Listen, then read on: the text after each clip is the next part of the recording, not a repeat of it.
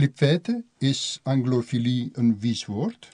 Uh, nee, het is helemaal geen vies woord. Het is, uh, wij noemen het een, een, uh, een lichte aandoening, maar een goedaardige aandoening.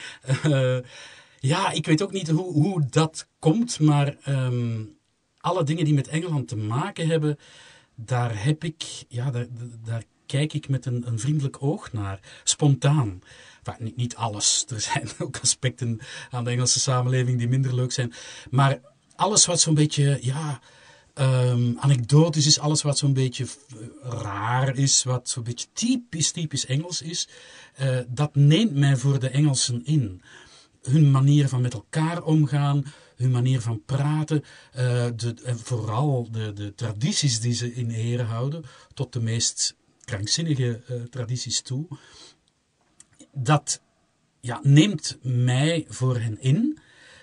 En ja, dat is anglofilie. En, uh, Enfin, of ik noem dat dan toch zo. En je wordt daarmee geboren, denk ik. Ik weet het niet. Of, uh, maar uh, mijn co-auteur Harry de Pape en ikzelf zijn er in elk geval door aangetast. En uh, het hindert ons niet in ons dagelijks leven. Integendeel, we hebben er een boek over kunnen schrijven. Dus we, zijn, we blijven daar heel vrolijk onder. Hoe oud was u eigenlijk toen u voor het eerst de boot naar Engeland nam? Um, moet ik goed denken. Ik zat in wat toen de derde humaniora was. Dus ik was 15, denk ik. En ik herinner me dat nog heel goed. Ik heb de, de dia's die ik toen genomen heb onlangs omgezet uh, digitaal. Dus ik, ik zie op die dia's het Engeland van toen nog. Dat een beetje kleurlozer was dan nu, denk ik. Um, en we gingen toen met de boot. Dat was toen nog de mailboot. Uh, met, met houten uh, dekstoelen. Um, en ik kwam daar aan. En ja, dat was heel vreemd ik voelde me daar onmiddellijk op mijn gemak. Er, er, was een soort van herkenning. Ik kan het niet, en ik heb dat iedere keer, en ik ben ontzettend vaak naar Engeland gegaan sindsdien. Ik zeg altijd al lachend, ik geloof helemaal niet in reïncarnatie, maar ik, ik zeg altijd al lachend van, ik denk dat ik hier, laten we zeggen, in de 17e eeuw al eens rondgelopen heb. Want het, het, bijvoorbeeld die auto's die links rijden, um, later ben ik naar Engeland met de auto gegaan en dat ging vanzelf. Ik moest daar eigenlijk niet over nadenken. Ik reed onmiddellijk links op de weg. Het was pas als ik met die auto terugkwam in Europa dat ik ineens in paniek raakte en ik dacht aan welke kant van de weg moet ik nu rijden en hoe moet, hoe moet ik een, een kruispunt oversteken. Dus ik, ik heb ook van jongs af aan zo snel mogelijk Engels willen leren. En we kregen dat uh, uh, in het uh, vierde, dat was, bij ons heette dat de vierdes, dat was eigenlijk het derde jaar van uw majora pas. En ik herinner mij toen nog, er was een Amerikaanse uitwisselingsstudent, drie jaar ouder, hè, die in het laatste jaar zat. En ik zocht die op op de speelplaats, want die sprak Engels. En ik wilde daar onmiddellijk Engels mee spreken. Maar ik kon dat nog niet. Ik had met name nog niet de verleden tijd in het Engels geleerd. Dat waren we aan het leren. Nu moet je eens proberen een verhaal te vertellen zonder dat je de verleden tijd kent. Dus dat is niet makkelijk. Maar die drang was er al heel vroeg om, om ja, uh, Engels te spreken, om, om dat te verstaan. Uh, de belangstelling ervoor was, was er heel vroeg. En ik heb altijd, ook van jongs af aan, waar dat vandaan komt, weet ik niet, uh, belangstelling gehad voor gekke tradities. Hoe gekker, hoe liever. Ja, dan ben je in Engeland aan het juiste adres. En uh, heel veel van die tradities, heel snel kom je dan ook bij uh, militaire en koninklijke tradities. En dus ook bij belangstelling voor het koningshuis. En zo is het allemaal begonnen. En het, uh, ja, ik zeg het, is, het is een aandoening. Het is niet is ongeneeslijk, maar uh, ongevaarlijk. Mm. Kunt u even het verschil uitleggen tussen Engeland, Groot-Brittannië en het Verenigd Koninkrijk? Ja, uh, dat is heel belangrijk dat je dat zegt. Uh, we zullen beginnen met het grootste, dat is het Verenigd Koninkrijk. En dat zijn dat grote eiland en het Ierse eiland samen. En als je dan Groot-Brittannië zegt, dan heb je het over dat grote eiland en Noord-Ierland, dus een stukje van het Ierse eiland. Wat het zuiden is de Republiek Ierland, die ooit is afgescheiden. Onafhankelijk. Het is onafhankelijk, een onafhankelijk land. Behoort nu, nog, behoort nu nog tot de Europese Unie. Ja, hè? Ja. Ja, als de Britten er straks uitstappen, dan is dat eiland in twee gedeeld. Want de Republiek Ierland hoort nog bij de Europese Unie. Noord-Ierland hoort bij Groot-Brittannië. Uh, zeg ik het eigenlijk goed? Wacht hoor. Bij het Verenigd Koninkrijk. Bij het Verenigd Koninkrijk. Je hebt absoluut gelijk. Want Groot-Brittannië is het, het grote eiland. En daar zijn eigenlijk drie landen in. Engeland, Schotland en Wales. Je, mensen die uh, het voetbal volgen, die weten dat. Want uh, je hebt een Schotse nationale voetbalploeg en een Engelse nationale voetbalploeg. Je hebt geen Britse nationale voetbalploeg. Dus uh, het zit zo in elkaar. Het, het grote eiland heet Groot-Brittannië en heeft drie landen. Wales, Engeland en Schotland. Tel je daar Noord-Ierland bij het noorden van het Ierse eiland, dan heb je vier landen: hè? Engeland, Schotland, Wales en, en Noord-Ierland. En dat is het Verenigd Koninkrijk. En dan heb je het verschil tussen de drie: Engeland, Groot-Brittannië, het Verenigd Koninkrijk. En uh, Wales ligt links, Cornwall? Ja, ja. En Engeland? Uh, Wales ligt boven Cornwall. Wales is, het, is het stukje dat het dichtst bij Ierland ligt. Prachtig trouwens. Met, een eigen, met de meren. Met meren, met bergen. Het Noord-Wales is, kan ik je aanbevelen, eh, zeker in de zomer en in de herfst vooral, als vakantiebestemming. Want het heeft bergen. Snowdon is de, de grootste berg uh, in het Verenigd Koninkrijk. Uh, Mount Snowdon. Je kan er met een treintje naartoe. Maar het ligt ook vlak bij de zee. Dus je kan in één vakantie klimmen en aan de zee zijn. heeft ook een eigen taal, Welsh die um, Gaelic is eigenlijk. Totaal, je verstaat er niets van, niets. Je hebt geen enkel herkenningspunt. Um, maar maakt van ouds deel uit van uh, het Verenigd Koninkrijk. Heel mooi, absoluut de moeite om, om naartoe te gaan. En die drie andere volkeren, hoe kijken die tegen de Engelsen aan? Ah, dat is, dat is een heel goede vraag. Um, zeg nooit tegen een Schot dat hij een Engelsman is. Want dan wordt hij wild. Schotten zijn zeer uh, nationalistisch, hebben een zeer nationalistisch gevoel. Zelfs, ook, ook Brit niet. Ja, ze zijn dat wel. Hè? Ja. Want ze behoren tot Groot-Brittannië. Ja. Maar uh, ze worden toch voornamelijk graag aangesproken als Schot. Uh, Engeland, ja, dat is toch iets anders. Geschiedkundig is dat iets anders. De Schotten hebben een eigen uh, eigen bankbiljetten. Ze volgen wel eh, de munt, maar er staan andere tekeningen op. De Schotten hebben een eigen kerk. De Schotten hebben een eigen juridisch systeem. Uh, ze maken een unie uit hè, met, met, met Engeland en, de, de twee andere landen. Maar ze zijn vooral Schots. Dat is anders. Hoewel, ze houden wel van de Queen. Je weet dat er een paar jaar geleden een referendum is geweest, waarbij de, aan de Schotten gevraagd werd of ze onafhankelijk wilden worden. En dat wilden ze wel, maar zelfs als ze onafhankelijk. Het is niet zo uitgedraaid. Hè. De meerderheid heeft ervoor gestemd om bij uh, het Verenigd Koninkrijk te blijven.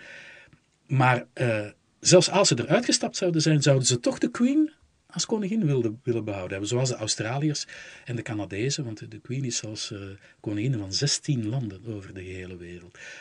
Um, de Noord-Ieren zijn eigenlijk Ieren. Ja, daar moet ik een beetje genuanceerd over zijn, want de, de bevolking daar is, is, nogal verdeeld. Vandaar ook de, de grote troubles die er altijd geweest zijn. Je hebt de nationalisten, die willen eigenlijk bij Ierland horen. En je hebt de unionisten, het woord zegt het zelf, die willen bij de Unie horen. Die voelen zich Brits. En de eerste zijn katholiek en de tweede protestant? Ja, klopt. En de, de Welsh, hoe die zich verhouden tot de, de Engelsen en de Schotten en de Noord-Ieren, dat weet ik eigenlijk niet zo goed. Ze zijn altijd een beetje een ondergeschoven kindje geweest, omdat ze economisch altijd een beetje achteraan huppelden. Um, ik zal je één anekdote vertellen die ik heel mooi vond. Toen ik in Wales was, uh, logeerde ik in een boerderij en in het huisje ernaast was, uh, woonde een gezin dat heel vreemd samengesteld was. De vader was Welsh. De moeder kwam van uh, Guadeloupe. En um, de grootouders waren ook Welsh. Maar de vader was als jongetje naar Engeland heel vroeg gestuurd, de kostschool. Omdat ze, de ouders ook dachten van zijn kansen gaan dan groter zijn in het leven. Ook omdat, ja, toen was Wales economisch echt, echt een beetje ja, uh, achtergesteld, zal ik maar zeggen. Uh, en ze hadden, dat echtpaar had een zoontje, een klein zoontje. Dat had een beetje half de kleur van zijn moeder uit Guadeloupe. Dus een, eh, een beetje getint. en, en met uh, kroeshaar. Maar dat jongetje sprak Engels, want zijn vader sprak Engels. Hij sprak Frans, want zijn moeder sprak Frans. Guadeloupe. Uh, maar op het moment dat dat jongetje geboren werd, ging het weer wat beter met Wales. En dus werden de scholen ook beter. En dus hadden ze het jongetje in Wales op school laten gaan. Maar er was toen een, een beweging terug om, uh, ja, een beetje een nationalistische beweging, waardoor het Welsh terug werd onderwezen op school. Dus dat jongetje sprak behalve Engels en Frans ook Welsh. Maar dat verstond zijn vader niet. Want die was al, en zijn moeder ook niet. Want die vader was altijd in, in Engeland uh, op school geweest. Maar zijn grootouders spraken natuurlijk wel Welsh. Wat als resultaat had dat hij een coalitie met dat jongetje konden sluiten en conversaties konden voeren met elkaar, waar de ouders niks van snapten. en dat deed hij ook heel vaak. En zo kon hij zijn ouders buitenspel zetten. Dat was heel mooi. Ja. En dan zitten we nog met uh, drie eilanden. Gibraltar, de Falklandeilanden en Bermuda. Ja. Wat is daar het statuut van? God, is dat moeilijke vragen. Uh, ik denk um, dat het allemaal dominions zijn. Um, over, je hebt uh, overseas territories en dominions. Wat weinig mensen weten is dat uh, de queen dus inderdaad staatshoofd is, koningin van 16 landen. 16 landen. Uh, dus niet alleen van het Verenigd Koninkrijk, maar ook van, de, de meest bekende zijn Canada, Australië en Nieuw-Zeeland, maar ook nog een heleboel landen. De gemene best ja. landen. Nou ja, die 16 zijn, geme zijn gemene bestlanden, maar er zijn er nog veel meer. In totaal zijn er 53, als ik me niet vergis, bij de laatste telling. Um, en dat zijn meestal, op drie, vier na, landen die ooit een kolonie zijn geweest. En die niet tot het gemene best behoren? Nee, nee. Die 53 landen behoren allemaal tot het gemene best. Ja. En van 16 daarvan ja. is de queen ook echt staatshoofd. Oké, okay, en ja, bij de andere landen hebben ze haar eruit gegooid? Uh, ja, Precies, ja, ja. daar is er geen staatshoofd meer van. Maar die landen hebben bevoorrechte banden met uh, het Verenigd Koninkrijk. En dat gaat vooral over economie en cultuur en sport. Er zijn gemene best spelen, een beetje vergelijkbaar met Olympische Spelen. En uh, ja, het is eigenlijk vooral handel. Ja. India en Pakistan zijn bijvoorbeeld. Ja, bijvoorbeeld, inderdaad. En in Australië en Canada wordt er gesproken over haar buitenspel te zetten, om het zo te zeggen. Ja, uh, ik ben heel benieuwd wat er gaat gebeuren als de Queen overlijdt. Uh, want er zijn um, zeker in Australië, het meest uitgesproken, republikeinse bewegingen die er eigenlijk vanaf willen. Die uh, denken van waarom moeten wij nu in godsnaam een koningin hebben die aan de andere kant van de wereld woont. Wij zijn een republiek en, she is queen in all but name. Uh, enfin, ze, is wel nog altijd staatsrechtelijk uh, het staatshoofd. Maar ja, ze, ze komt daar om de zoveel jaar. Ze zal er nu niet meer komen, want ze reist niet meer zo ver. Uh, maar we zullen zien. The proof of the pudding will be in the eating. Ja, trouwens, het hoofd van de Commonwealth is geen erfelijke titel nee, gelezen. Nee, dat klopt. En dat heeft onlangs, nog maar een paar maanden geleden, gespeeld. Want als de Queen overlijdt, uh, is het niet zo dat Charles, die haar zal opvolgen als, als staatshoofd in het Verenigd Koninkrijk, automatisch ook hoofd van het uh, gemene best geworden zou zijn. Uh, er was zelfs een, een, beweging om te zeggen van, goh, laat ons bijvoorbeeld uh, een rotatiesysteem invoeren en laat ons een, een roterend voorzitterschap, hè, waarbij een van de 53 leden telkens om, om de zoveel jaar het voorzitterschap waarneemt. Maar de Queen heeft heel hard gelobbyd. Er was dit jaar een bijeenkomst van alle staatshoofden van de uh, gemene bestlanden, van alle 53 gemene bestlanden. En ze heeft heel hard gelobbyd om toch Charles te laten benoemen als haar opvolger. En het is gelukt. Dat is geweten. Ja. Een, een politieke daad die bekend is. Ja, ja, ja. ja, ja. Bij journalisten in het buitenland. Ja, ja, ja. Hoe, ja, komt dat? Ja, zij heeft gewoon gepleit voor hem. Omdat, je moet in, weten... in toespraken? Ja, ja, ja, absoluut. ja, ja, ja, ja. En, en, en uh, er is over gestemd. En men heeft, erover, men heeft dat goedgekeurd, al die 53 landen.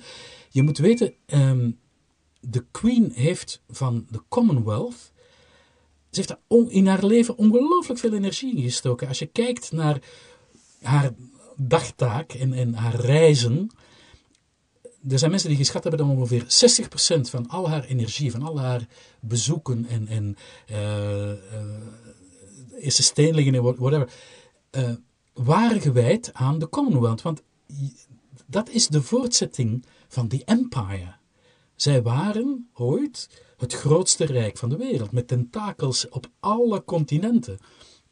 En dat, was, dat maakte hun grootheid uit. Maar na de Tweede Wereldoorlog is dat, is dat verkruimeld. Maar voor de Queen, ja, die, die toch maar in 1952, als ik me niet vergis, uh, Queen geworden is en in 1953 gekroond.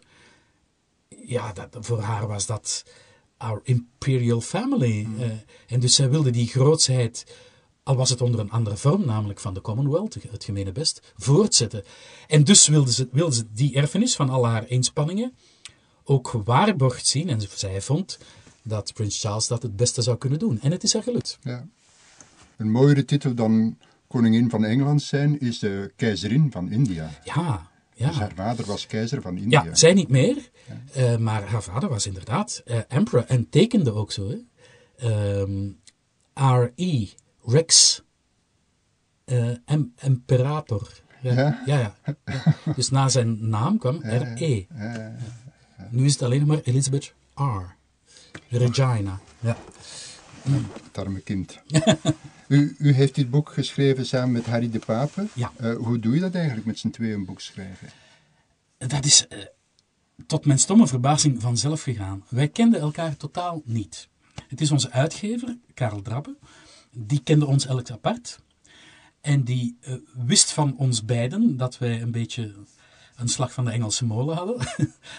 en die heeft gezegd, die twee moet ik eens bij elkaar brengen. En dat heeft hij ook gedaan. In, met in zijn achterhoofd natuurlijk, misschien zit daar een boek in. En wij hebben elkaar op zijn uh, uitnodiging ontmoet.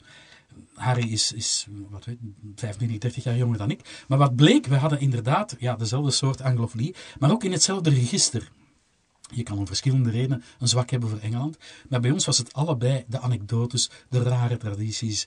Um, en, en van de eerste keer dat we elkaar ontmoeten, uh, vulden we elkaar zinnen aan, lachten we om dezelfde dingen. Dus Karel Drabbe, de uitgever, had dat prima gezien. En, en die avond zelf hebben we uh, ook besloten van, uh, we gaan een boek schrijven samen. En dat is, ik kan het niet anders zeggen, vanzelf gegaan. We keken naar elkaar en we zeiden, waar wil jij over schrijven? En we zijn onmiddellijk lijstjes beginnen met, ah, dit en dit en dit. Oh ja, dat moet je doen. En de, de, de, sommige dingen wilden we samen schrijven, dan moesten we het verdelen. Maar sommige dingen zei, zei ik van, oh, over Charles bijvoorbeeld, daar kan ik meteen een hoofdstuk over zeggen. Doe jij maar. en hij zei dan van, ik wil over uh, Queen Victoria een hoofdstuk. Oh, dat ken ik niet zo goed. Doe jij maar. en we hebben een beetje gezocht naar een rode lijn, die we ook gevonden hebben, in, vijf hoofdthema's. En, en, en terwijl we aan het schrijven waren, bijvoorbeeld het, het hoofdstuk Engelse humor zat in mijn bakje. En ik begon daar en dacht, ja, ik, ik moet daar veel te veel rond lezen. Ik, ik beheers dat eigenlijk niet zo goed. En ik, ik belde Harry en ik zei: Harry, ik, ik, ik, ik, ik ben aan het struikelen over humor. Dat is niks, hem. Ik doe humor wel. Wat is er speciaal aan die Engelse humor? Ah, Engelse humor is. Um, dat heeft te maken met uh, de manier hoe zij omgaan met emoties. Dat is zeer understated, zeer ingehouden, zeer gereserveerd, maar daarom zo grappig. Uh, um, soms zelfs, ja, hoe moet ik het zeggen, macaber daardoor. Eh, een van de mooiste voorbeelden van Engelse humor is twee heren die elkaar in een Engelse gentleman's club tegenkomen, die elkaar al jaren niet meer gezien hebben en met elkaar beginnen te praten en herinneringen ophalen. En midden in het gesprek zegt de een, uh, ah, by the way, how's your mother? En de andere antwoordt, hmm, had to bury her, dead you know. Kijk, jij lacht daarmee. Er zijn mensen die dat dan afgrijzelijke grap vinden.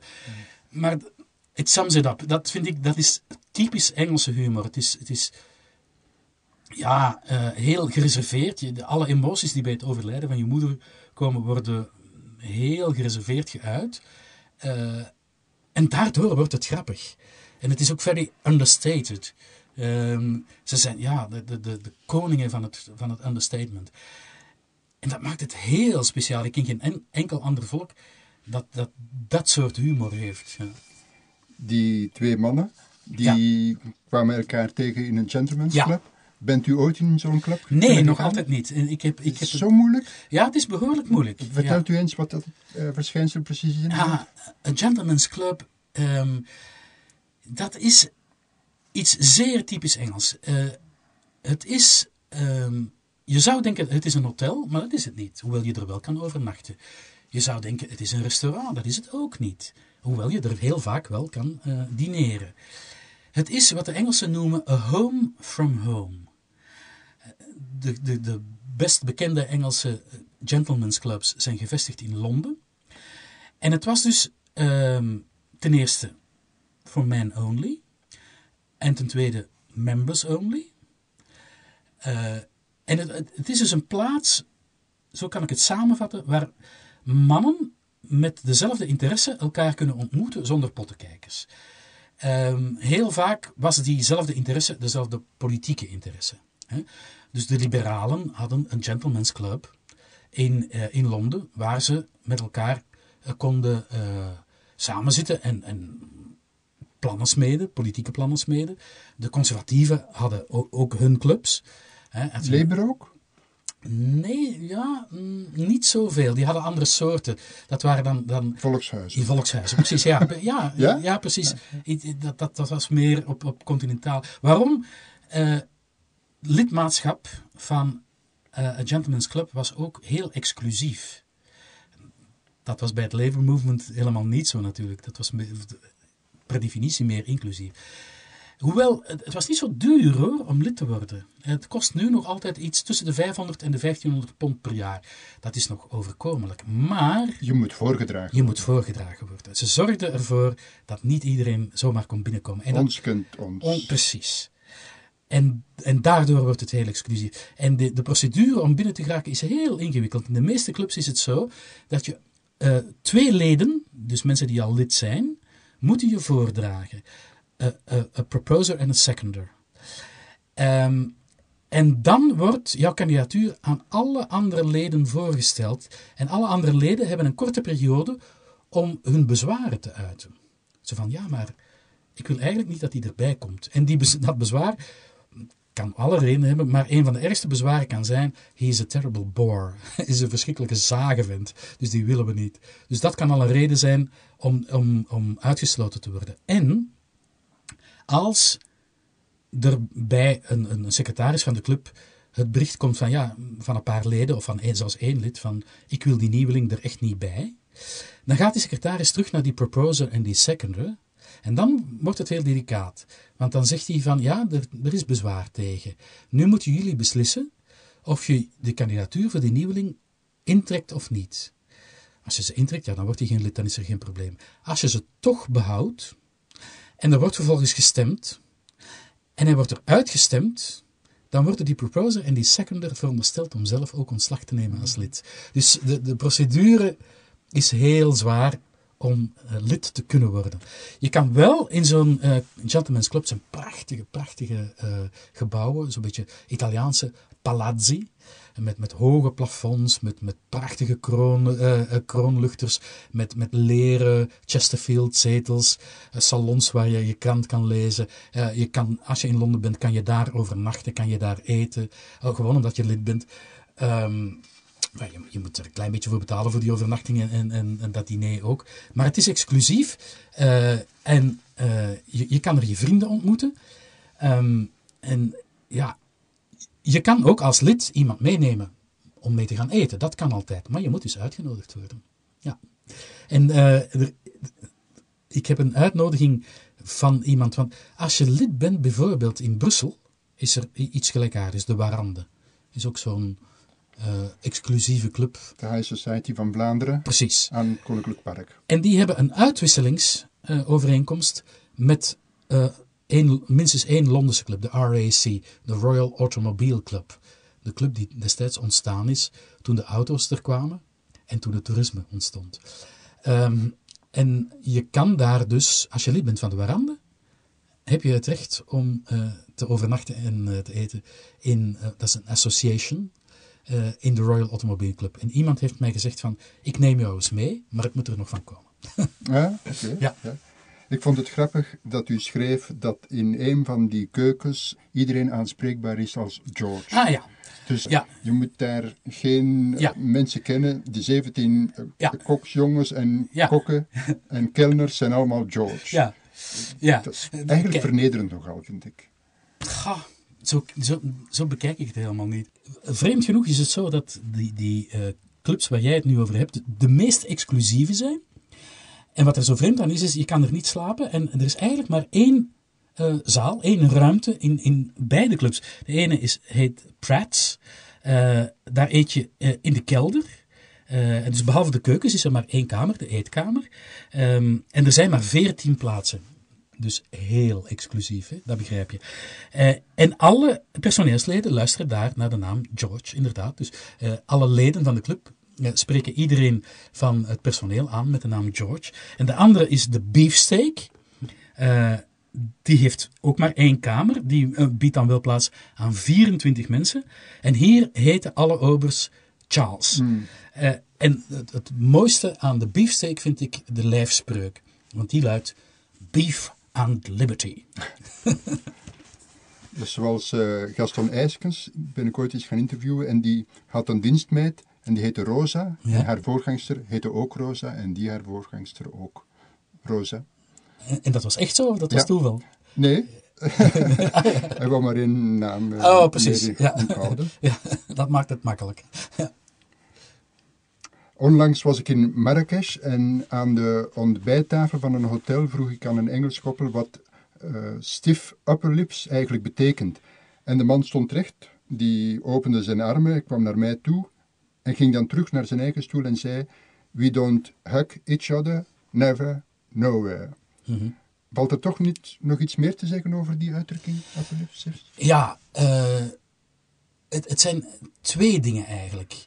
Het is eh, complete gereserveerdheid als het om emoties gaat. Dat is één kant van lip. Maar het andere is ook koelbloedigheid. De twee gaan samen. De- dus in, in heel moeilijke situaties eh, ook daar je angst en je paniek niet laten blijken, want dat is ook een emotie. En dat zijn eh, twee kanten van dezelfde medaille. En ehm, dat maakt de Britten ook zo speciaal. Bijvoorbeeld, ehm, ja, dit is een voorbeeld waar- waarbij ik echt kan, kan ehm, illustreren wat stiff upper lip in een, in een penibele situatie betekent. Een Britse eh, brigadegeneraal, Thomas Brodie, die stond ooit eens in de Koreaanse oorlog met maar 650 man tegenover een overmacht van 10.000 Chinese soldaten. Wel, zijn beschrijving van de situatie was a bit sticky. Things are a bit sticky down here. dat is stiff upper lip. Hè? Of, of ehm, dat is ook echt gebeurd in 1982. eh, de gezagvoerder Eric Moody van British Airways, eh, vlucht 9 naar Auckland, Nieuw-Zeeland, liet eh, het volgende aan zijn passagiers weten. Ladies and gentlemen, this is your captain speaking. We have a small problem. All four engines have stopped. We are doing our damn best to get them going again. I trust, en dan komt het, I trust you are not in too much distress. en dat is echt gebeurd. En, enfin, ze hebben een paar van die motoren terug aan de praat gekregen. Het vliegtuig was door vulkaanas eh, gevlogen. Ze hebben die net op tijd eh, terug aan de praat gekregen, zodat het kon optrekken en, en over een berg kan vliegen. Maar zo'n mededeling is typisch Brits en is ook stiff upper lip. Ehm, ja, En het is flauw als je dan paniekerig wordt. Precies. Ja. Ja. Eh, ja, dat doe je niet. Hè. Eh, althans, zo was het in, in eh, de voorgaande generaties. Die stiff upper lip is, ja, het is dubbelzinnig hoor. Ze is er nog wel en ze is er niet meer. Kinderen worden nog altijd zo opgevoed, maar aan de andere kant is er ook een cultuur waarbij je emoties toch wel kan uiten. En een keerpunt daarbij was, denk ik, het overlijden van prinses Diana. Toen er in Londen scènes te zien waren in het straatbeeld, waar heel Groot-Brittannië ontzettend van opkeken. Ze herkenden zichzelf niet, de Britten. Maar er is nog altijd in de opvoeding, zelfs in de taal, een, een gereserveerdheid, een terughoudendheid. Eh, ja, er is nog altijd iets in, in, in het, het nationale patroon van hoe je je moet gedragen, waarbij die gereserveerdheid uh, um, hoogtij viert. En ja, natuurlijk ook in die humor, want die humor die blijft het doen. Ja. Enkele hoofdstukken uit jullie boek gaan over enkele leden van het Koningshuis, mhm. van vroeger en nu. Wie is eigenlijk uw favoriet in dit rariteitenkabinet? Ah, dat is me nog niet gevraagd.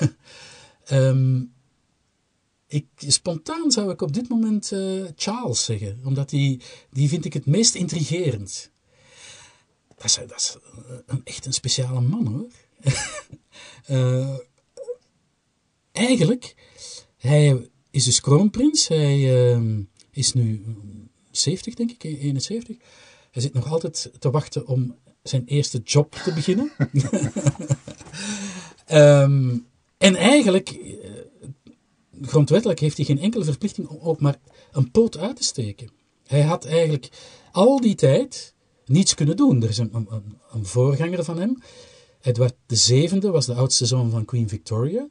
Die is, die is uh, ook heel oud geworden. Heeft heel lang geregeerd. Hij heeft ook heel lang moeten wachten.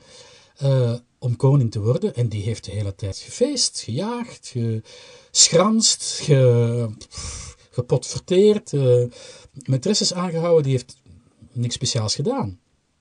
Of juist wel, ja, natuurlijk. Ja, uh, maar, maar niets waarvan je kunt zeggen van dit is nuttig. Hè? Ah, dit, dit draagt bij aan, aan, uh, enfin, aan, aan het, welzijn van de gemeenschap. Terwijl Charles niks anders heeft gedaan. En daar een, een volle dagtaak van maakt. Eh, tot tot uh, ergernis van heel wat mensen toe. Uh, hij heeft uh, ontzettend veel, meer dan twintig liefdadigheidsinstellingen uh, opgericht. Het werden er op de duur zoveel dat ze het maar gebundeld hebben. De Princess Charities. En de belangrijkste is de Princess Trust. Ehm, waar hij echt jongeren uh, een, een, een start in het leven geeft. Jongeren die om welke reden dan ook uh, dreigen ja, minder bevoorrecht te zijn, om, omdat ze uit, gebroken gezinnen komen, omdat ze ehm, drugs hebben gebruikt, omdat ze ehm, van, van heel bescheiden afkomst zijn, omdat ze van, van allochtone afkomst zijn. Het, het, is een schema waarbij je ja, uh, mentor, mentoren uh, ter beschikking krijgt, waarbij je startkapitaal ter beschikking krijgt, uh, beurzen om te studeren. Ehm, ik, en dat gaat over tienduizenden jongeren en dat komt uit zijn eigen En dat komt helemaal uit zijn eigen koker, ja. Waar komt zijn inkomen vandaan? Ah, dat is ook interessant. Um, eigenlijk kost Prins Charles de gemeenschap niets. Althans heel weinig. Want hij zorgt voor zijn eigen inkomen. En dat komt dan weer omdat hij, als je prins van Wales wordt, dus als, als je moeder of vader koning wordt, en jij bent de oudste, word je automatisch uh, Prince of Wales. En daar hoort uh, um, de Duchy of Cornwall bij. Want je wordt dus ook Duke of Cornwall. Vandaar dat ze Camilla Duchess of Cornwall genoemd wordt. En de Duchy of Cornwall, dat is een, een, een portefeuille waarin een heleboel vastgoed zit. Um, dat zijn een heleboel uh, boerderijen en landbouwgrond, maar ook uh, kantoorgebouwen in Londen op, op, eh, echt hele dure locaties en een, een aandelenportefeuille.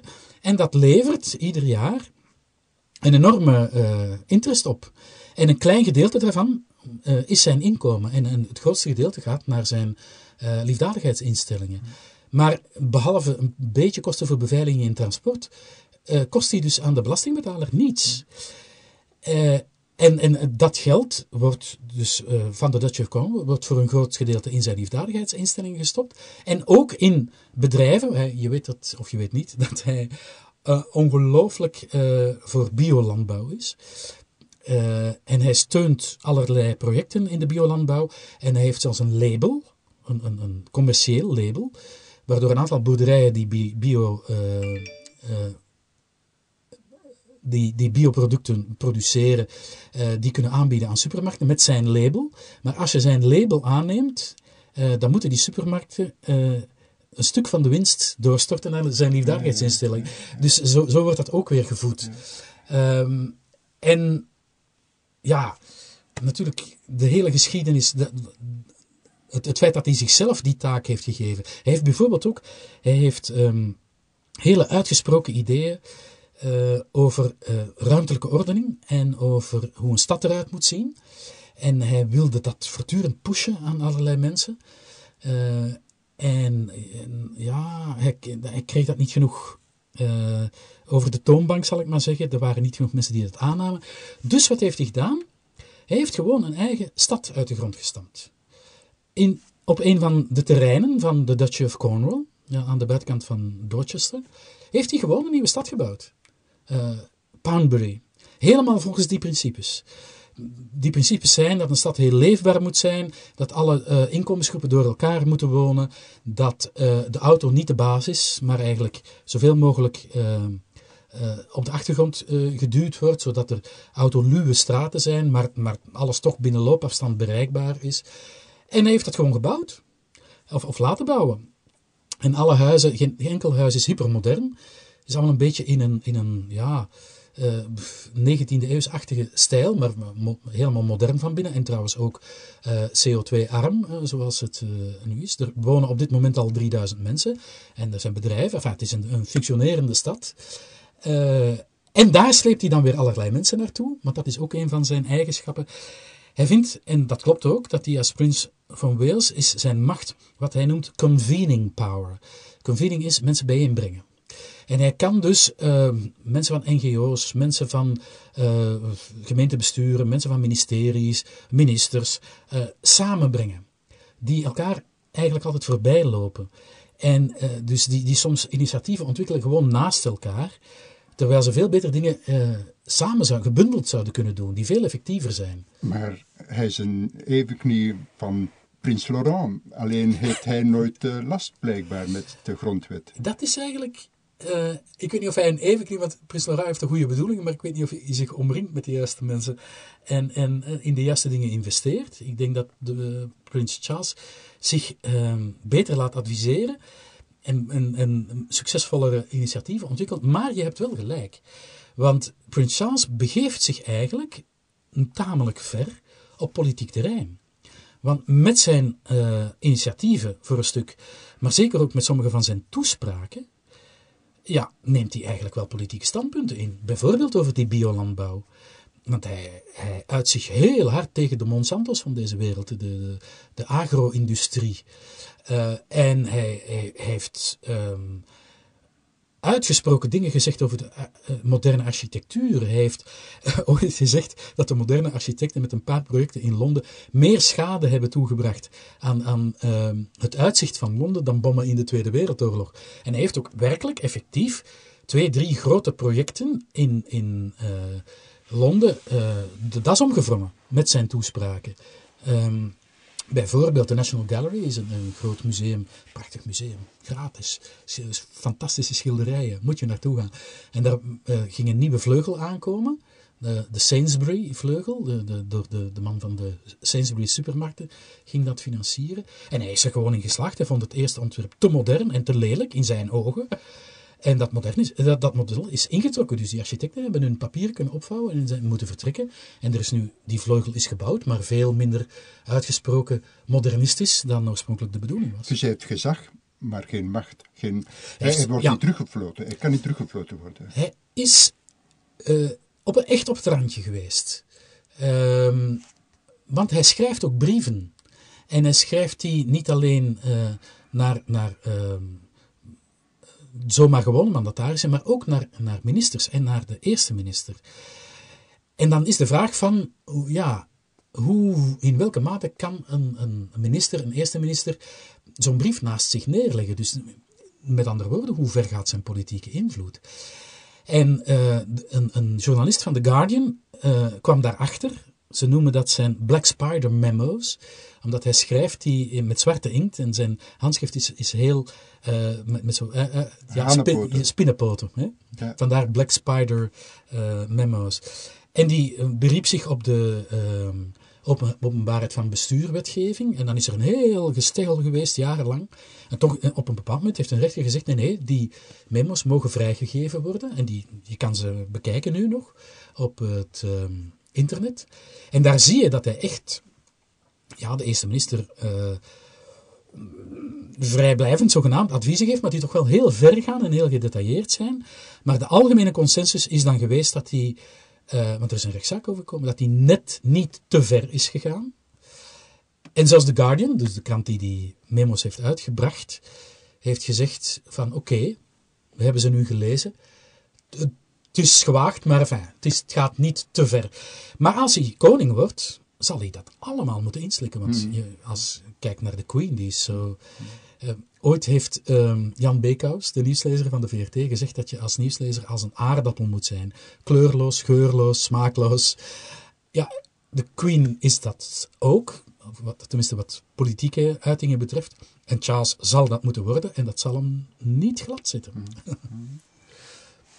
Onlangs fietste ik in Laarne bij Gent en reed ik voorbij een gebouw waarop in grote letters stond BBC. En die afkorting bleek te staan voor Belgian Boiler Company. uh, niet met die BBC, maar met die andere, de echte, begint u een hoofdstuk met als titel London Bridge is Down. Ja. Dat is een codebericht. Mhm. Waarvan? Uh, van het overlijden van de Queen. Um, haar codenaam is London Bridge als zij overlijdt, dan daar, daar ligt de uh, Mark een totaal scenario voor vast. Nu al. En dat is uit en te na gerepeteerd, aangepast, bijgeschaafd in de loop der jaren. Ongelooflijk veel ministeries en omroepen, zoals de BBC, maar ook commerciële omroepen, weten precies tot op de letter, hebben een draaiboek liggen van wat daar allemaal moet gebeuren. En het begint met de mededeling: London Bridge is down. En dat zal de, de, de privésecretaris van de koningin zijn, die dat telefoontje doet naar uh, de prime minister. Waarom is dat?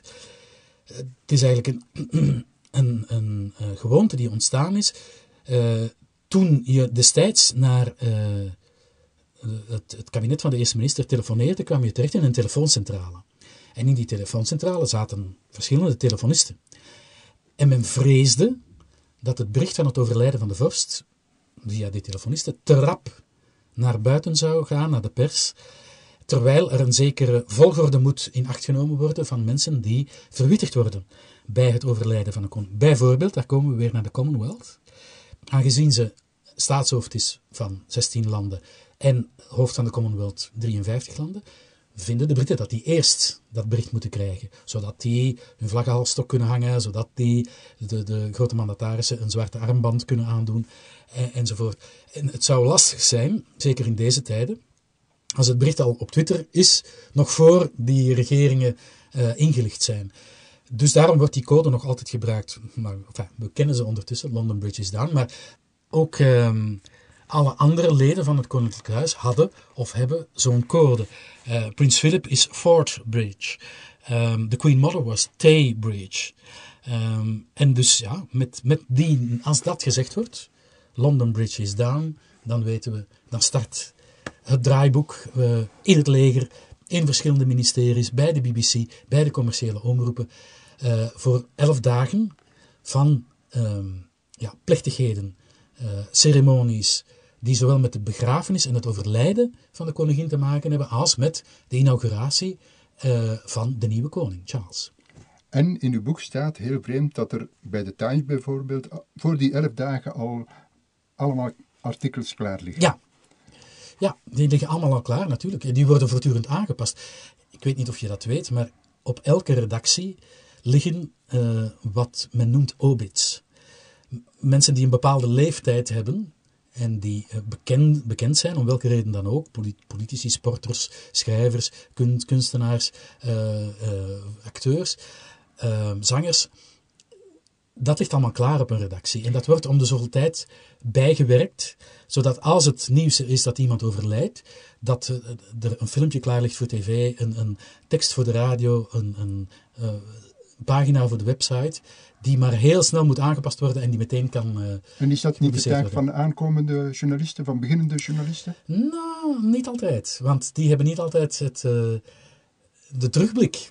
Het is, het is vaak een, een taak van juist de oudste journalisten, ah, die, die nog een geheugen hebben en die nog uh, zich, zich kunnen herinneren, bepaalde dingen, die, die jongeren misschien zouden vergeten of, of, of die ze niet zouden spontaan gaan opzoeken, omdat ze er ook geen weet van hebben. En vertelt u eens wat er met die zogenaamde tweede locomotief moet gebeuren. Ah, ja, gesteld.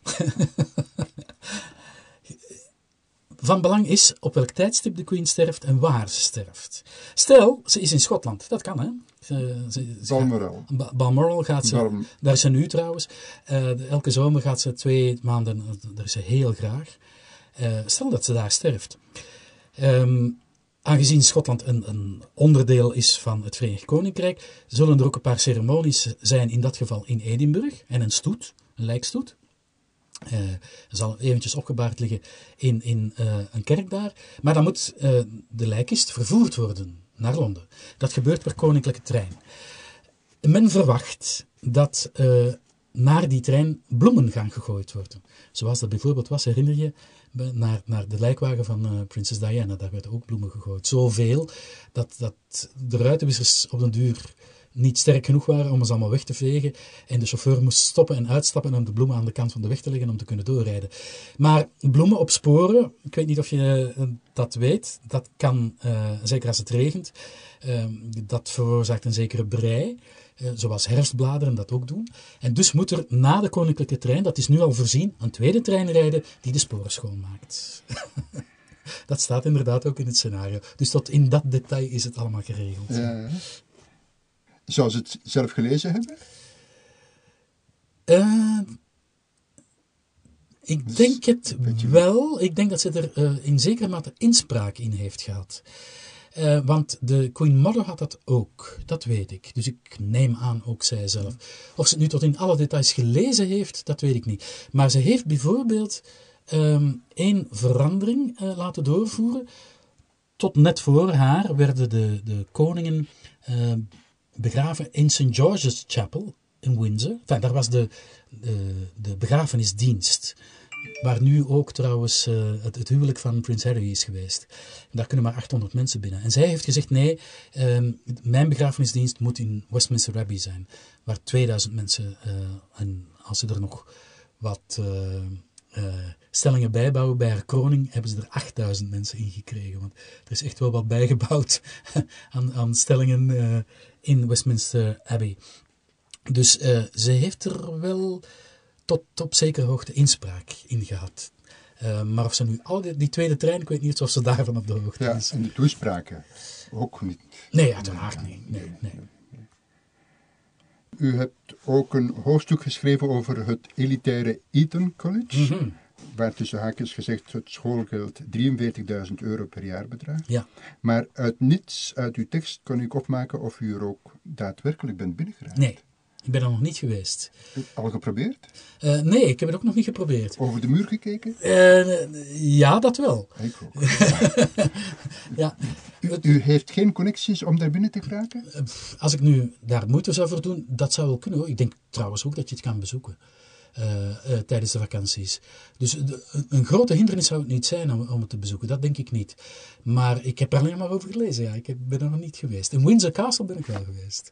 Ja. En ook in, in eh, Buckingham Palace, dat is ook niet zo moeilijk. Kan je ook bezoeken. Clarence House, het, eh, het huis van Churchill. Nee, Clarence House is het huis van eerste Queen Mother en nu Charles. Ja, eh, en waar jij naar eh, verwijst is Chartwell, het huis van eh, Winston Churchill. Daar kan je zeker naartoe, want dat, is, dat behoort tot de National Trust, die fantastische organisatie die alle, eh, allemaal eh, huizen die tot het erfgoed van eh, Engeland eh, behoren beheert en, en openstelt voor het publiek. Daar bent u lid van.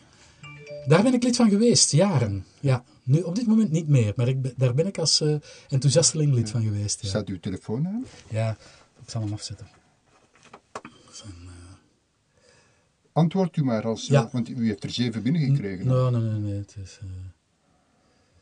het is geen probleem, maar ik zal hem even afzetten. Het zijn, het zijn sms'jes. Wat mij in Engeland altijd weer opvalt, is het ongelooflijk uitgesproken en zeer zichtbaar standenverschil tussen Ja. enerzijds de upper upper class, de happy few, de high society, en anderzijds de lower lower class. Hoe is die enorme kloof te verklaren? Ja, dat is, eh, dat is inderdaad opvallend. En de, de ongelijkheid, het, het is niet zomaar een indruk die jij of ik hebben. Er zijn eh, indices hè, eh, die, die dat bestuderen. En eh, die kloof is echt eh, groter dan bij ons bijvoorbeeld. Historisch te verklaren, ehm, vanwege eh, de grote afstand tussen aristocratie en gewone volk. Wat eigenlijk voor een stuk vreemd is, want Engeland is bij wijze van spreken de uitvinder, zo- zowat de uitvinder van de parlementaire democratie. Dus heel vroeg hebben vorsten hun macht althans al moeten delen met edelen, maar zelfs die edelen ook hun macht moeten delen met het gewone volk. Vanaf de 17e eeuw. Ja. Eh, ik denk zelfs vroeger. Eh, dus er is wel een politieke vertegenwoordiging. Maar ehm, de ongelijkheid is gebleven en dat heeft voor een groot stuk te maken met eh, het, het afsluiten van mogelijkheden voor een groot aantal mensen. Bijvoorbeeld, nog altijd, is de toegang tot kwaliteitsvol onderwijs eigenlijk afhankelijk van inkomen. En dat is nog altijd zo in Engeland. Ehm, het is geen meritocratie voor een groot stuk. Eh, dus dat wil zeggen, op je eigen verdiensten opklimmen in, eh, op de maatschappelijke ladder. eh, dat kan bijvoorbeeld Thatcher, één grote uitzondering. Ja, Thatcher is een uitzondering. Er zijn nog uitzonderingen, hè? maar het is moeilijk. Eh, echt kwaliteitsvol onderwijs, eh, dat wordt nog altijd. Het is er. Maar eh, er wordt van je, eh, het is er zeker, en, en, en er is fantastisch onderwijs in het Verenigd Koninkrijk, maar het vraagt van je ouders enorme financiële inspanningen. En soms is het zo, veel, veel meer dan, dan in ons land, dan in België, is het zo dat eh, sommige verstandige kinderen de kansen niet krijgen, om, domweg omdat hun ouders niet de financiële middelen hebben, of eh, niet, niet de mogelijkheden hebben om aan een beurs te geraken. Ja. Dan heb je Oxford en Cambridge. Ja. Ik heb eens gelezen dat bij een ontgroening in Oxford een student de opdracht kreeg een briefje van 100 pond te verbranden voor de ogen van een bedelaar. Ja, er zijn denk ik nog ergere verhalen van clubs ehm, eh, in Oxford, eh, waar bijvoorbeeld, hè, ik, ik zeg maar iets, eh, David Cameron, die dan premier wordt, lid, lid van was.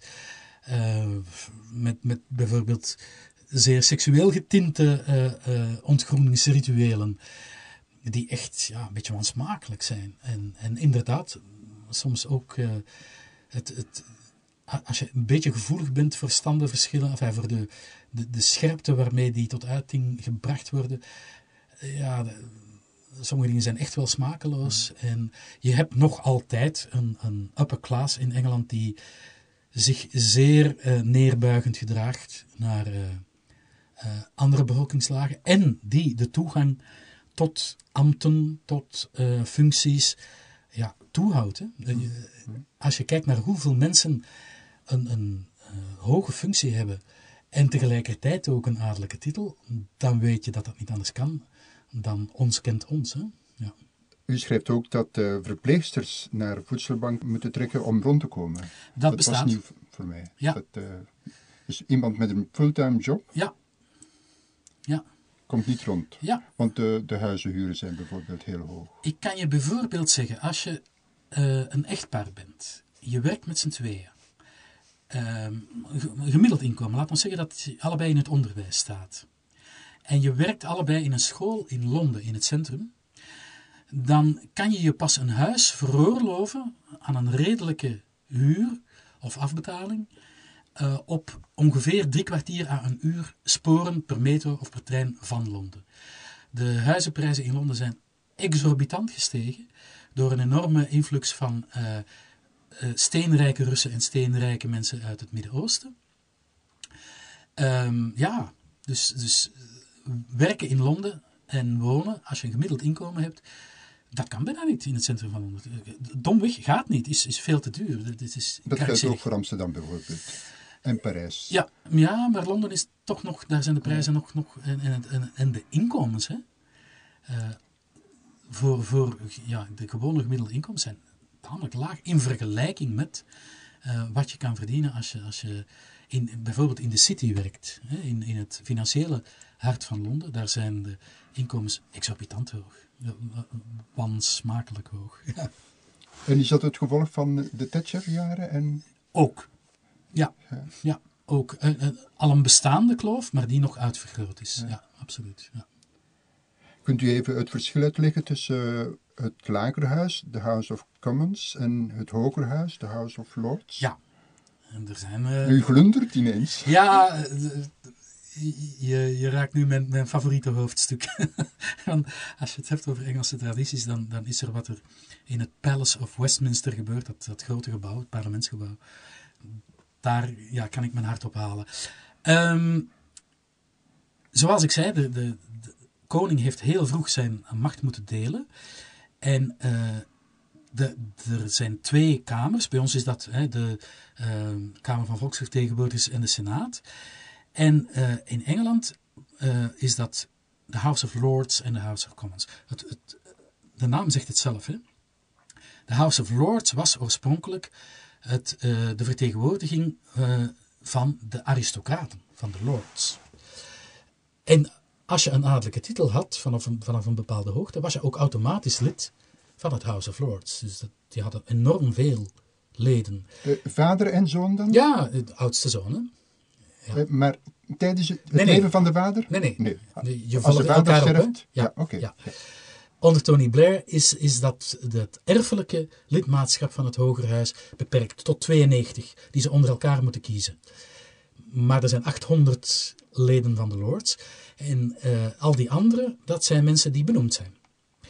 Eh, meestal door een, een zittende eerste minister. En hoe word je tot lord benoemd? Omdat je in een maatschappelijke functie ehm, verdienstelijk bent geweest of bij wijze van troostprijs. Bijna alle oud-ministers worden lid van het House of Lords. Eh, belangrijke parlementsleden, bijvoorbeeld oude Kamervoorzitters, voorzitters van de House of Commons, worden lid van het House of Lords. Ehm, De speakers. eh, de speakers, inderdaad, ja. Ehm, pa- partijleden die verdienstelijk zijn geweest, die hebben geholpen met een verkiezingsoverwinning, eh, worden lid van het House of Lords. En er zijn ook eh,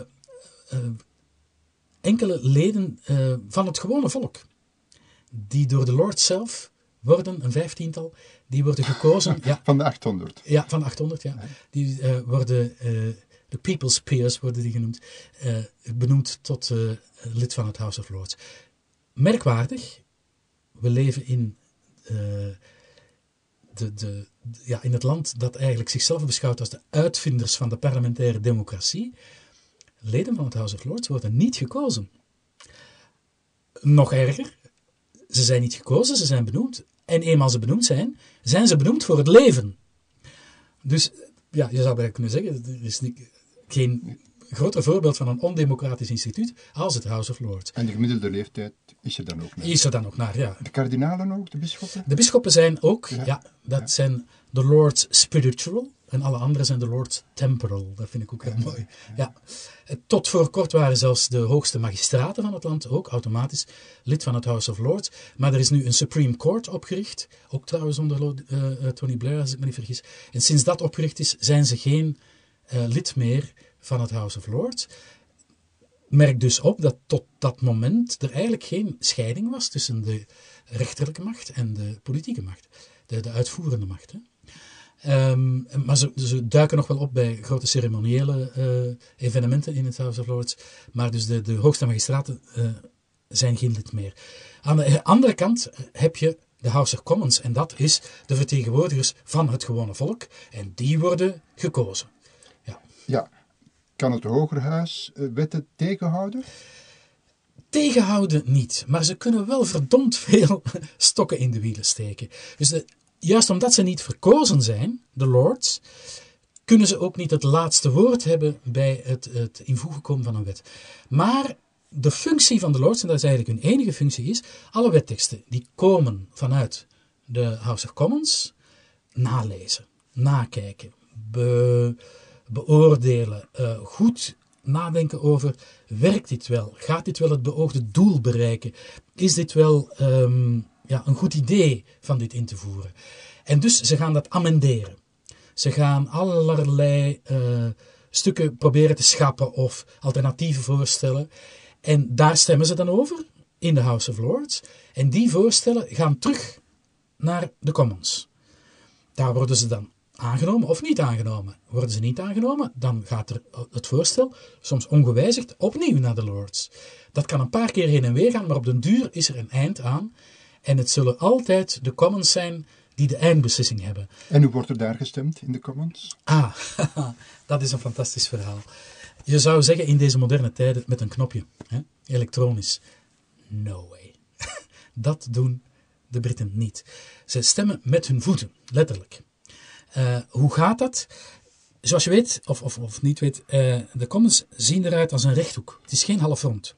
Dus de, de regeringspartijen zitten recht tegenover de, uh, aan de andere lange zijde de oppositie. Als een wetsvoorstel ter stemming komt, dan zal de speaker, de, de voorzitter, de Kamervoorzitter, roepen: As many as are of that opinion say aye. En dan wordt er geroepen aye. Dus dat wil zeggen, ik ben het ermee eens. Waarop de, uh, ja, waarop de voorstanders dus aye roepen. Waar komt het woordje aye precies vandaan? Is dat een, een oud, ja, dus yes? zoals yeah, yeah, ja. Want in Schotland wordt dat nog altijd gebruikt. Ja, dus het is een oud woord. Ja. Uh, en dan gaat de speaker voort en dan zegt hij: Of the contrary, no. En dan roepen degenen die tegen zijn: No. Soms is op het gehoor al duidelijk van wie gewonnen heeft: I of no. En uh, dan, als dat duidelijk is, ja, dan is het wetsvoorstel verworpen of aangenomen.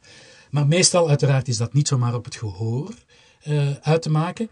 En dan roept de Kamervoorzitter, de, de speaker: Division, clear the lobbies. Dan staat iedereen recht. Want die lobby's, dat zijn gangen. Een gang aan elke kant. Achter uh, de, de banken. Hè, de, de uh, banken waarop de Kamerleden, de Members of Parliament, de MP's. Het is niet Motor Police, het is Member of Parliament, MP, zitten. Dus ze wandelen aan de ene kant van de rechthoek, aan de, de ene smalle kant van de rechthoek, wandelen ze buiten. En dan gaan ze achterom door die gang. En je hebt een I-lobby en je hebt een no-lobby. En al naar gelang je wilt stemmen, loop je door, helemaal doorheen de I-lobby of de no-lobby tot aan de andere kant van de kamer. En daar is weer een poort, hè, een deur, eh, aan de smalle kant. En zo kan je terug binnenlopen. En terwijl je door die lobby's loopt, word je geteld. Door ambtenaren? Uh, door partijleden. Door, ja, door partijleden. Ja. Dus ja. ook door collega-MP's. Ja. Vier. Twee van, van elke kant. Die tellen jou. En daar, je moet daarbij ook de whips trotseren. De whips zijn de fractievoorzitters, maar die houden heel goed in de gaten of je wel stemt volgens de partijlijn. Want als jouw partij voor een voorstel is en je loopt toch door de no-lobby, dan hebben ze dat gezien. Want het is zichtbaar, hè? je loopt erdoor. Als je op dat knopje duwt, dan moet je al een beetje gaan zoeken van wie heeft wat gestemd. Nee, nee, het is heel zichtbaar. Je mag afwijken. Stel bijvoorbeeld dat jouw partij is voor een, nieuwe spoorlijn, maar die spoorlijn loopt door jouw kiesdistrict. En in jouw kiesdistrict zijn, is de meerderheid er absoluut tegen, omdat die door een natuurgebied loopt, of er, er moeten heel veel huizen voor onteigend worden. Oké, dat je dan als uh, parlementslid van dat kiesdistrict tegenstemt, dat zal men door de vingers zien. Maar als je bijvoorbeeld Brexit, hè, als je niet de partijlijn over Brexit volgt, ja, dan moet je heel goed opletten of je wordt de volgende keer niet meer verkiesbaar gesteld, of je mist een promotie of whatever. Want de whips, letterlijk de zwepen, houden dat heel goed in de gaten. Goed, oké. Je moet dus door die lobby's lopen. Wat, wat moet je nu doen als je uh, je wil onthouden? Wel, Mark, dan moet je twee keer door een lobby lopen. Door de I-lobby en door de no-lobby. En bovendien moet je je haasten. Want de, van zodra de speaker heeft geroepen Division, clear the lobbies. Heb je acht minuten. En dan gaan er ook in het hele huis, want het Palace of Westminster is heel groot, want niet iedereen, er zijn 650 leden van het lagerhuis, uh, die zitten niet allemaal in, in uh, die kamer. Er is niet, niet zoveel plaats. Er is trouwens niet genoeg, plaats, niet genoeg zitplaats. Er zijn maar 470 zitplaatsen en er zijn 650 leden. Je mag staan. Ja, je mag staan. Uh, ja. Achter een bepaalde lijn, de bar, een witte bar. Of, of je mag ook op de verdieping, op de, galerijen. op de galerijen mag je staan, maar van daaraf mag je niet spreken. Vrij goed. Maar dus uh, ben je er niet, dan moet je vanuit de verste uithoek van dat Palace of Westminster, en het is groot, komen aanhollen, want je hebt maar acht minuten. Uh, er gaan bellen door het hele uh, Palace of Westminster af. En er is ook een, een, een annunciator system met televisieschermen, die floepen dan aan. Maar bovendien, niet alleen in het gebouw gaan er bellen af, maar ook in 16 eh, gebouwen buiten het parlement, namelijk in Eerbare huizen? eerbare huizen, hotels, clubs en, en eh, hotels, die hebben ook een bel. En dus het is absoluut geen vreemd gezicht. Die zijn allemaal in de buurt hè, van het parlementsgebouw. Dat je ineens een aantal parlementsleden hollend de straat ziet overlopen en hun leven riskerend door het verkeer om op tijd in die lobby te geraken, om te kunnen stemmen. Want na acht minuten gaat onverbiddelijk de door de deur in voor hun neus dichtgeslagen en gaan die deuren op slot en moet je gestemd hebben. En dan komen de tellers eh, naar voren, ook heel ritueel, met een eh, twee, twee, drie passen een buigingje, nog vier, vijf passen weer een buigingje. En dat beeld ken je van op de televisie. En dan zegt een van hen, the eyes to the right, 324, the nose to the left, 156. So the eyes have it. En zo wordt er gestemd.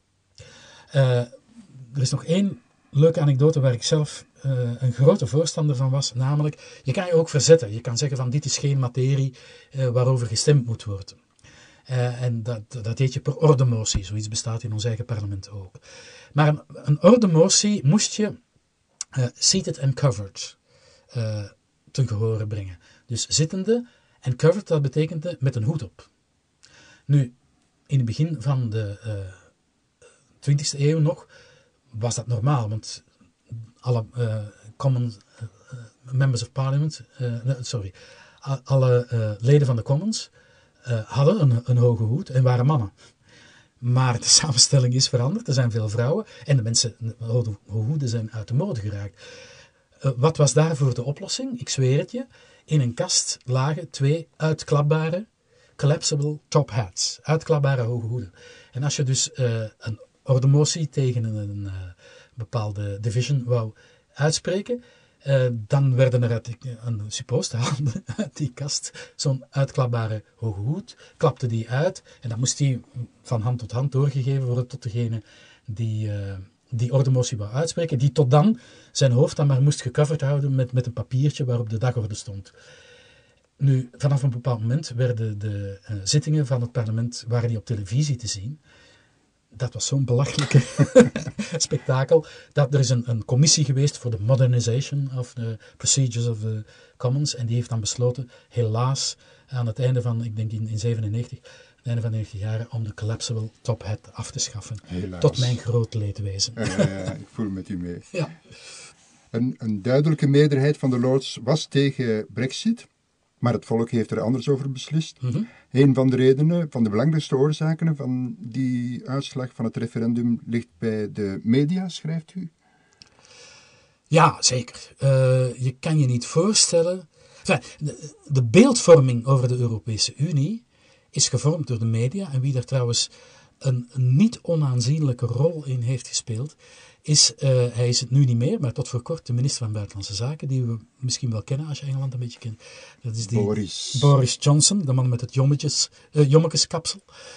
Um, die, was, die, die is trouwens uh, in Brussel, heeft hij school gelopen. Want zijn vader was een expert in milieuzaken en was een, een, een, ja, verbonden aan het Europees Parlement. Is later trouwens zelfs Europees parlementslid geworden zelf. En die woonde toen in Brussel. En dus de, de kleine Boris heeft hier twee jaar gewoond. En enfin, misschien is al langer gewoond, maar in elk geval twee jaar school gelopen in Ukkel. En spreekt sindsdien trouwens heel behoorlijk Frans. Kent Brussel dus goed. On, onze goede Boris is dan uh, naar Eton gegaan trouwens. Waar hij als schoolkameraadje een David Cameron had. Met een beurs overigens. Hij is ook naar Oxford gegaan, ook met een beurs.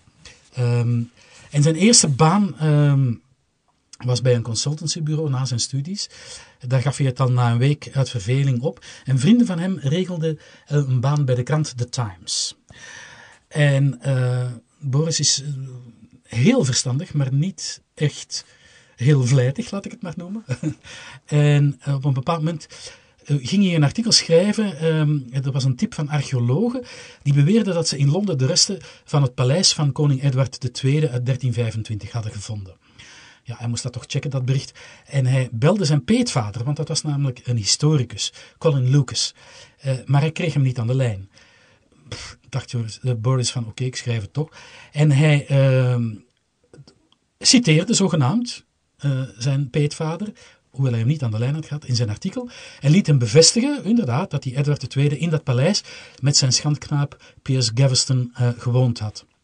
Ja, toen regende het uh, prompt lezersbrieven en die, waarin, waarin lezers die, die peetvader, die, die historicus uitlachten. Want Gaveston was al in 1312 onthoofd, dus hij kon nooit in 1325 in het paleis gewoond hebben. Die peetvader was natuurlijk woedend en schreef een brief naar de Times. En, Dear sir. Ja, inderdaad.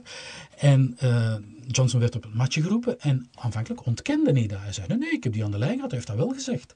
Ja, dat was niet vol te houden, dat verhaal. En, en dan zei hij ook, ja, oké, ja, nee, ik heb hem niet aan de lijn gehad, dat is toch een doodzonde. Ja, bij de Times konden ze daar niet mee lachen. Maar bij een andere krant dachten ze van, die jongen moeten we hebben, namelijk bij de Daily Telegraph. Dat was het moment dat uh, Margaret Thatcher heel kritisch begon te worden over uh, de uh, Europese gemeenschap, moet ik het toen nog zeggen. Hè? Dat was het toen nog. Hè? Um, en zij wilde eigenlijk een correspondent in Brussel die heel kritisch was over Europa. En zij vroegen aan, uh, en zij vroegen aan Boris, weet je wat, word jij maar correspondent van ons, maar echt met de bedoeling om zo sceptisch mogelijk over Europa te schrijven, over uh, de Europese instellingen. En dat heeft hij gedaan. En van toen af begon het artikelen te regenen met, ja, hoe moet ik het noemen, het, het, het leunde heel vaak wel dicht aan bij de waarheid, maar het was toch verdraaid. Of, of, ja, of het was echt uh, een, een, echte leugen, een, een totaal fake news zouden we het nu noemen, bericht over Europa. Door die Boris Johnson. En die artikels werden heel gretig gelezen. In, in, uh, en hij had ze soms ook echt helemaal uitgevonden. Uh, bijvoorbeeld, hè, een, een, collega van hem vertelt dat hij ooit eens een primeur had over Brits-Franse militaire samenwerking. Zijn collega was John Palmer van The Guardian. en Boris kwam naar me toe, vertelt hij, en vroeg: Is dat verhaal waar? En ik zei: Natuurlijk is het waar. En daarop schreef Johnson in de Sunday Telegraph dat Delors, luister goed, veldmaarschalk van een EU-leger wilde worden, wat pure fantasie was. En in een gelijkaardig artikel had hij het ook over de machtshonger van Delors, hè, eh, de, de toenmalige Jacques, Delors, de, de uh, voorzitter van de Europese Commissie. Uh, die volgens Johnson af wilde van het toelerende voorzitterschap en van het vetorecht van de lidstaten en zelf gekozen president van Europa wilde worden. Ja, die artikel speelde bijvoorbeeld een rol bij het Deense referendum over het verdrag van Maastricht. Hij werd ook uitgenodigd in Denemarken door het Neekamp uh, in het Deense Neekamp. En dat heeft mee de uitslag bepaald van dat referendum. Uh, en toen begonnen de Britse tabloids ook door te hebben van... hé, hey, hier zit brood in. Tabloids zijn zeer... Uh, Boulevardkranten. Ja, maar beschrijft u die eens? Want, want ja, iemand die die nog nooit gezien heeft, dat begint met een, met een, blote, een foto van een blote vrouw. Ja, de, de, in, in de Sun heeft op bladzijde drie jarenlang een, een blote mevrouw gestaan. Niet meer nu? Nee. Uh, ze hebben het een tijdje afgeschaft. Ik geloof dat, het, dat er nu af en toe nog wel eens, niet meer elke dag, een, een blote mevrouw opduikt. Maar in vergelijking met die kranten is het laatste nieuws een kwaliteitskrant. Ja, dat mag je wel zeggen. Het, het zijn kranten die echt... Uh, leven van uh, ja, schandalen, op roddelen ja, van de mens. Ja, ja. ja. Heel, heel ja, uh, News of the World was bijvoorbeeld ook zo'n krant. Die heeft jarenlang uh, allerlei uh, telefoons gehackt, dus ingebroken. van, van alle mogelijke filmsterren en personaliteiten en, en, en, en whatever. En van ook, ook bijvoorbeeld ouders van een vermoord kind. En, en wisten berichten eerder dan, dan de ouders het wisten over het, het vinden van een lijk van een kind bijvoorbeeld. Riooljournalistiek. Ja, ja. Uh, maar die zagen ineens, ja, die Boris Johnson, die had altijd artikelen die andere kanten nooit hadden. en, die, en daar was belangstelling voor, daar was bron mee te verdienen. En um, dat heeft. Uh, daardoor zijn een reeks artikelen ontstaan, nog altijd over Europa, die echt van de pot gerukt waren. Uh, en er is iemand, ene Mark English, what's in a name, die um, ooit eens heeft bijgehouden wat voor van de potgerukte artikelen er allemaal verschenen zijn in de Britse pers. Je kan, uh, heeft daar een, blog van gemaakt, je kan die nog altijd raadplegen. Um, en uh, tot voor kort waren, stonden er meer dan 650 verhalen met titels als, ik, ik zal je een, een, aantal titels voorlezen. Europa verbiedt de verkoop van kromme komkommers of van kromme rabarberstengels. Uh, kerkklokken mogen van Europa niet meer luiden. Doedelzakmuziek wordt onderworpen aan geluidsnormen. De Londense dubbeldekbussen moeten uit het verkeer genomen worden omdat ze niet voldoen aan EU-veiligheidsnormen. Allemaal niet waar, hè? Condooms mogen enkel nog in standaardmaten verkocht worden. Um, dat geldt ook voor doodskisten. Um, uh, ritsluitingen in broeken worden verboden. Uh, eieren mogen niet langer per dozijn verkocht worden. Europa verplicht het Verenigd Koninkrijk om gevangenen stemrecht te geven. Zwanen voederen of daklozen van voedsel voorzien mag enkel nog met een vergunning. Jagers moeten verplicht een koelkast en een dierenarts bij zich hebben op elke jacht. Dat heeft allemaal in kanten gestaan. Uh, vissers moeten haarnetjes dragen. Kinderen mogen niet langer ballonnen opblazen. Er komt een maximumsnelheid voor draaimolens voor kinderen opgelegd door Europa. Uh, boeren moeten hun varkens van speelgoed voorzien. Koeien moeten van Europa luiers dragen. En dode huisdieren moeten van Europa gekookt worden voor ze begraven mogen worden. En dat is niet strafbaar. Dus, nee. En, en werd dat tegengesproken vanuit Brussel? Ja, natuurlijk, maar dat, heeft, dat had nooit het effect. Ik bedoel, er is in. in nee, er werd nooit. Natuurlijk werd dat tegengesproken, maar je kent dat, hè, het, het artikel dat het, het, het, uh, het spectaculaire nieuws ja, aankondigt, staat voorop en, met groot, en, en soms in een klein artikeltje, uh, drie dagen later wordt dan een nuancering of een, of een uh, ontkenning gepubliceerd. Door dat klimaat in die veelgelezen, enfin, door, door die berichtgeving in die veelgelezen Britse kranten, is een klimaat anti-Europa ontstaan dat, dat ja, niet altijd door redelijke argumenten onderbouwd kon worden. En dat heeft zeker een rol gespeeld uh, in, in uh, hoe de stemming over Brexit is uitgedraaid. Dan kun je je nog afvragen dat de ja-stemmen toch nog altijd 48% gehaald hebben. Ja, ja inderdaad. Toch, uh... En nu, stilaan, wordt ook duidelijk ja, wat die brexit voor gevolgen kan hebben. Men beseft ineens, zeker als er geen uh, no deal is, hè, als er dus uh, abrupt alle banden verbroken worden en er is geen overeenkomst, hoe die overgang uh, moet gaan. Um, bijvoorbeeld worden er nu ineens essentiële medicijnen opgeslagen in, in opslagplaatsen, als die ineens niet meer door de douane zouden kunnen. de, de, de, dat zijn ook dingen waar wel voor gewaarschuwd is in de campagne. Eh, eh, sommige voedselvoorraden, sommige. Uh, ja, er, gaan tekorten zijn aan verplegend personeel. Er gaan uh, bijvoorbeeld uh, nucleaire geneesmiddelen. Die, die zijn afhankelijk van verdragen waar het gaat over alles wat met, met nucleaire energie te maken heeft in kankerbehandelingen zijn er uh, behandelingen die met, met, ik weet niet precies hoe dat allemaal werkt, maar met nucleaire geneesmiddelen, ja, als er plots geen overeenkomst meer uh, over is, nog maar net bijvoorbeeld ook zijn er uh, afspraken over dat, dat je in een niet in een EU-land hetzelfde betaalt voor, voor roaming, hè, het, het, raadplegen van websites op je smartphone of op je uh, iPad in, in EU-landen. Ja, als Engeland geen EU-land meer is en er is geen uh, overeenkomst meer over, dan gaan die tarieven plots hmm. enorm omhoog gaan, en, enzovoort. Dat is allemaal heel erg, maar ja. is het voor een anglofiel niet een roze toekomst dat het Verenigd Koninkrijk zijn eigenheid zal bewaren en misschien nog, nog, nog sterker in zijn isolement zal willen kruipen? Um, mijn hart is verschrikkelijk verscheurd hier. Dat, wat je zegt is waar. Maar aan de andere kant, ja, ik vond het ook wel leuk uh, dat, dat ze tot uh, onze grote Europese familie behoorden. Dat behoren ze natuurlijk nog altijd. Maar uh, ik kijk niet met plezier uit om terug van de boot in Dover te rijden en in een lange rij te gaan staan en te wachten tot ik er eventueel uitgepikt word uh, en mijn koffer wordt opengedaan en door al mijn valiezen wordt gegaan. Pff, um, Ja, ze stellen mijn grote liefde wel een beetje op de proef, maar ze zal het eh, wel overleven.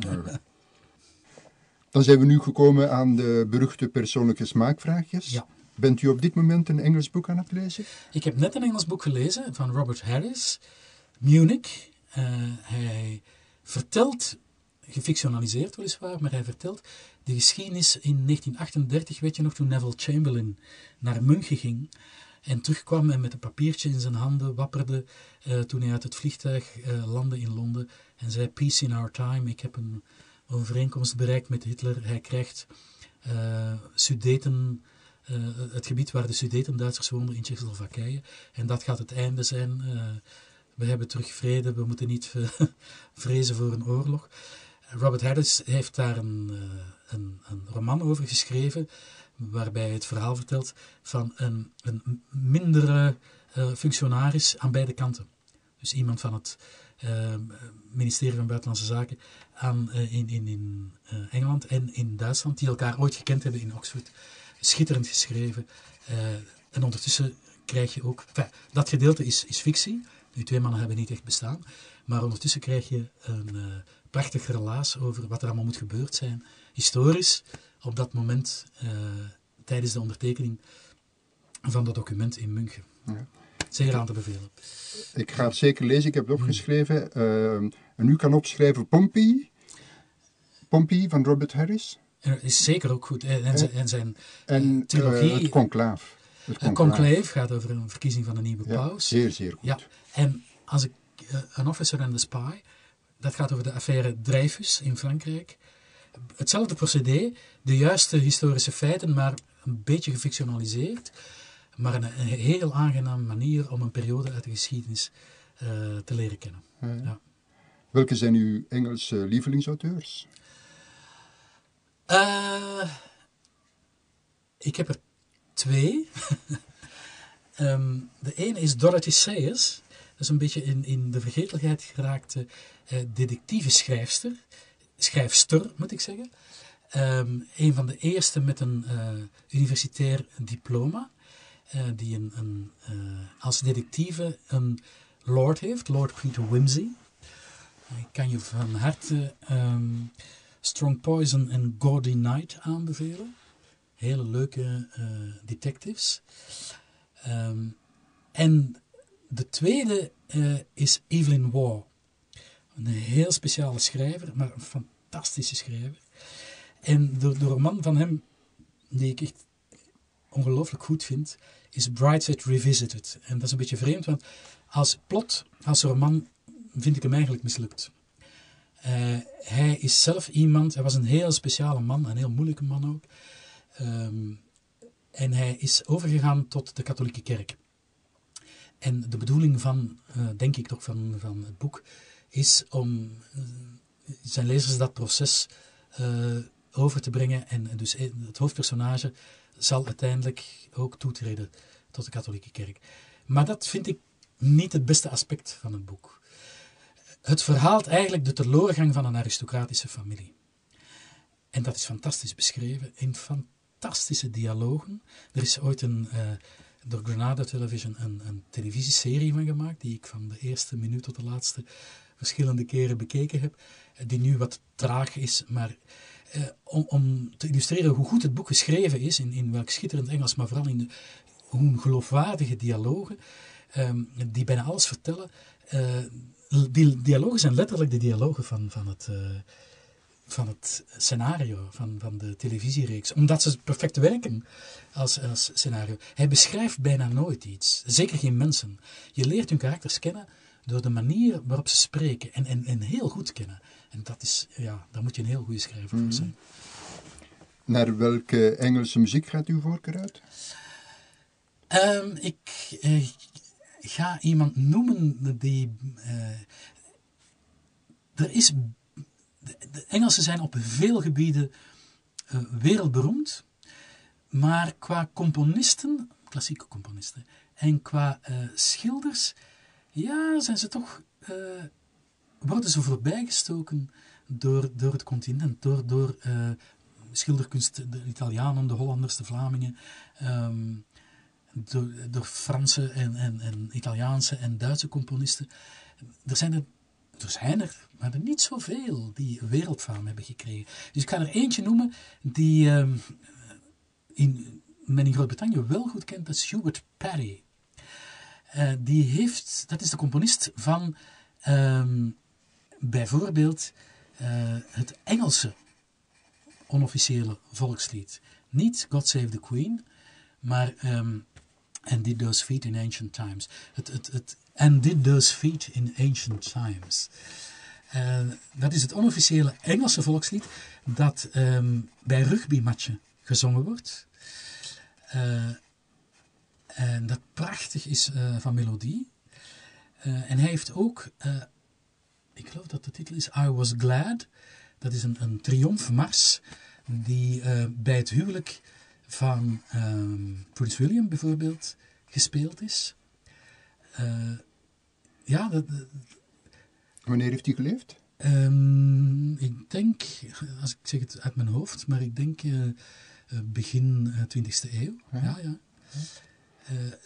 Ch Prins Charles is een groot bewonderaar en hij promoot Perry ook. Heeft ook veel voor koren geschreven. Vind ik een heel interessant. Meestal noemt men Elgar. Hè? En Elgar, ja, zijn celloconcerto is fantastisch, vind ik. Je hoort dat mijn voorkeur eerder bij klassieke muziek dan, bij, dan bij popmuziek ligt. Hè?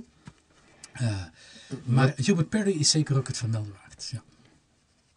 Als u een etentje mocht organiseren waarbij u om het even welke Brit mocht uitnodigen en die kwam dan ook, wie zou u vragen? Ik weet het antwoord eigenlijk meteen. Churchill. Daar zou ik wel eens uh, uitgebreid mee willen tafelen. Ik weet dan ook zeker dat we qua drank, uh, dat dat prima in orde zou zijn. De mooiste stad in het Verenigd Koninkrijk? Bath.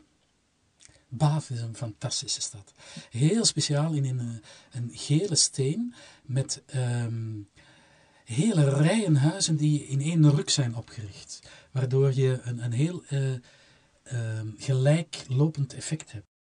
Bath ligt um, aan de westkant uh, en was een kuuroord, vandaar Bath. Omdat er Romeinse banen waren. Ja. Heel speciaal, heel speciale sfeer die stad. Prachtig. Hele mooie straten. Um, en uh, een van mijn ook favoriete Engelse schrijvers, Jane Austen, heeft daar uh, gewoond. Uh, is er vaak op bezoek geweest, heeft er een tijdje gewoond en heeft daarover geschreven in twee van haar romans, Persuasion en Northanger Abbey. Het mooiste kasteel? Een heel mooi uh, stately home vind ik Castle Howard in Yorkshire. Dat is gebruikt bij de verfilming van uh, Brightside Revisited. Dat is prachtig, ook vanwege zijn tuinen. Ik moet ook zeggen, ook vanwege het feit dat voor mij het verhaal zich daarin afspeelt. Hè. Um, ja, maar er zijn er nog veel hoor. Er zijn, er zijn er heel veel. Prachtige landhuizen. Ja, ja. ja. Uw geliefkoosd plekje natuur? Oh, um, heel zeker uh, Snowdonia, dus het, het uh, noordelijke gedeelte van Wales, in de herfst, in de derde week van oktober. ja, Indian Summer. Uh, precies. Ja. Als de, de, de bladeren goud kleuren. Dus prachtigste natuurgebied dat ik ken in. Uh, maar kun je dan niet over, over, de koppen lopen? Nee, juist niet. Nee, um, omdat het zo weinig gekend is en omdat meestal de mensen die er naartoe komen, zijn natuurliefhebbers. En uh, komen meestal van de Britse eilanden zelf. Je ziet er bijna heel zelden mensen van het continent of, of nog verder. Nee, uh, maar prachtig. Maar je, je, je, moet wel goede regenkledij meenemen. Ja. Als u er kon leven in het verleden of in de toekomst, wat zou u kiezen? Hmm. Leven, denk ik, de toekomst. Maar ik zou heel graag op bezoek gaan in het verleden. Maar wel met de, de conditie dat ik kan terugkomen. Maar ik zou echt heel graag hebben rondgelopen in, in uh, het Londen van, laat ons zeggen, uh, vlak voor en vlak na de grote brand. Uh, het Londen van de dagboekschrijver Pepys. Samuel Pepys, indeed, yes. Met de juiste uitspraak, prima. Eh, want je schrijft het Pepys, maar heel weinig mensen weten dat je het Pepys moet uitspreken. Ja, het, het Londen dus van Charles I en daarna van eh, Cromwell en daarna van Charles II. Ja, daar zou ik eh, echt wel een tijdje willen rondgelopen hebben. En af en toe de oversteek naar Holland en naar Amsterdam en naar uh, Leiden en naar Haarlem gemaakt hebben. Maar enkel op voorwaarde dat ik terug mag naar deze tijd. Al was het alleen maar omdat ik denk ik nooit aan de geur die in de straten hing zou gewend raken. Weet je wat, we gaan het samen doen en ik zorg dat we samen terugkeren. Oké, prima. Dankjewel. Heel erg bedankt. Graag gedaan.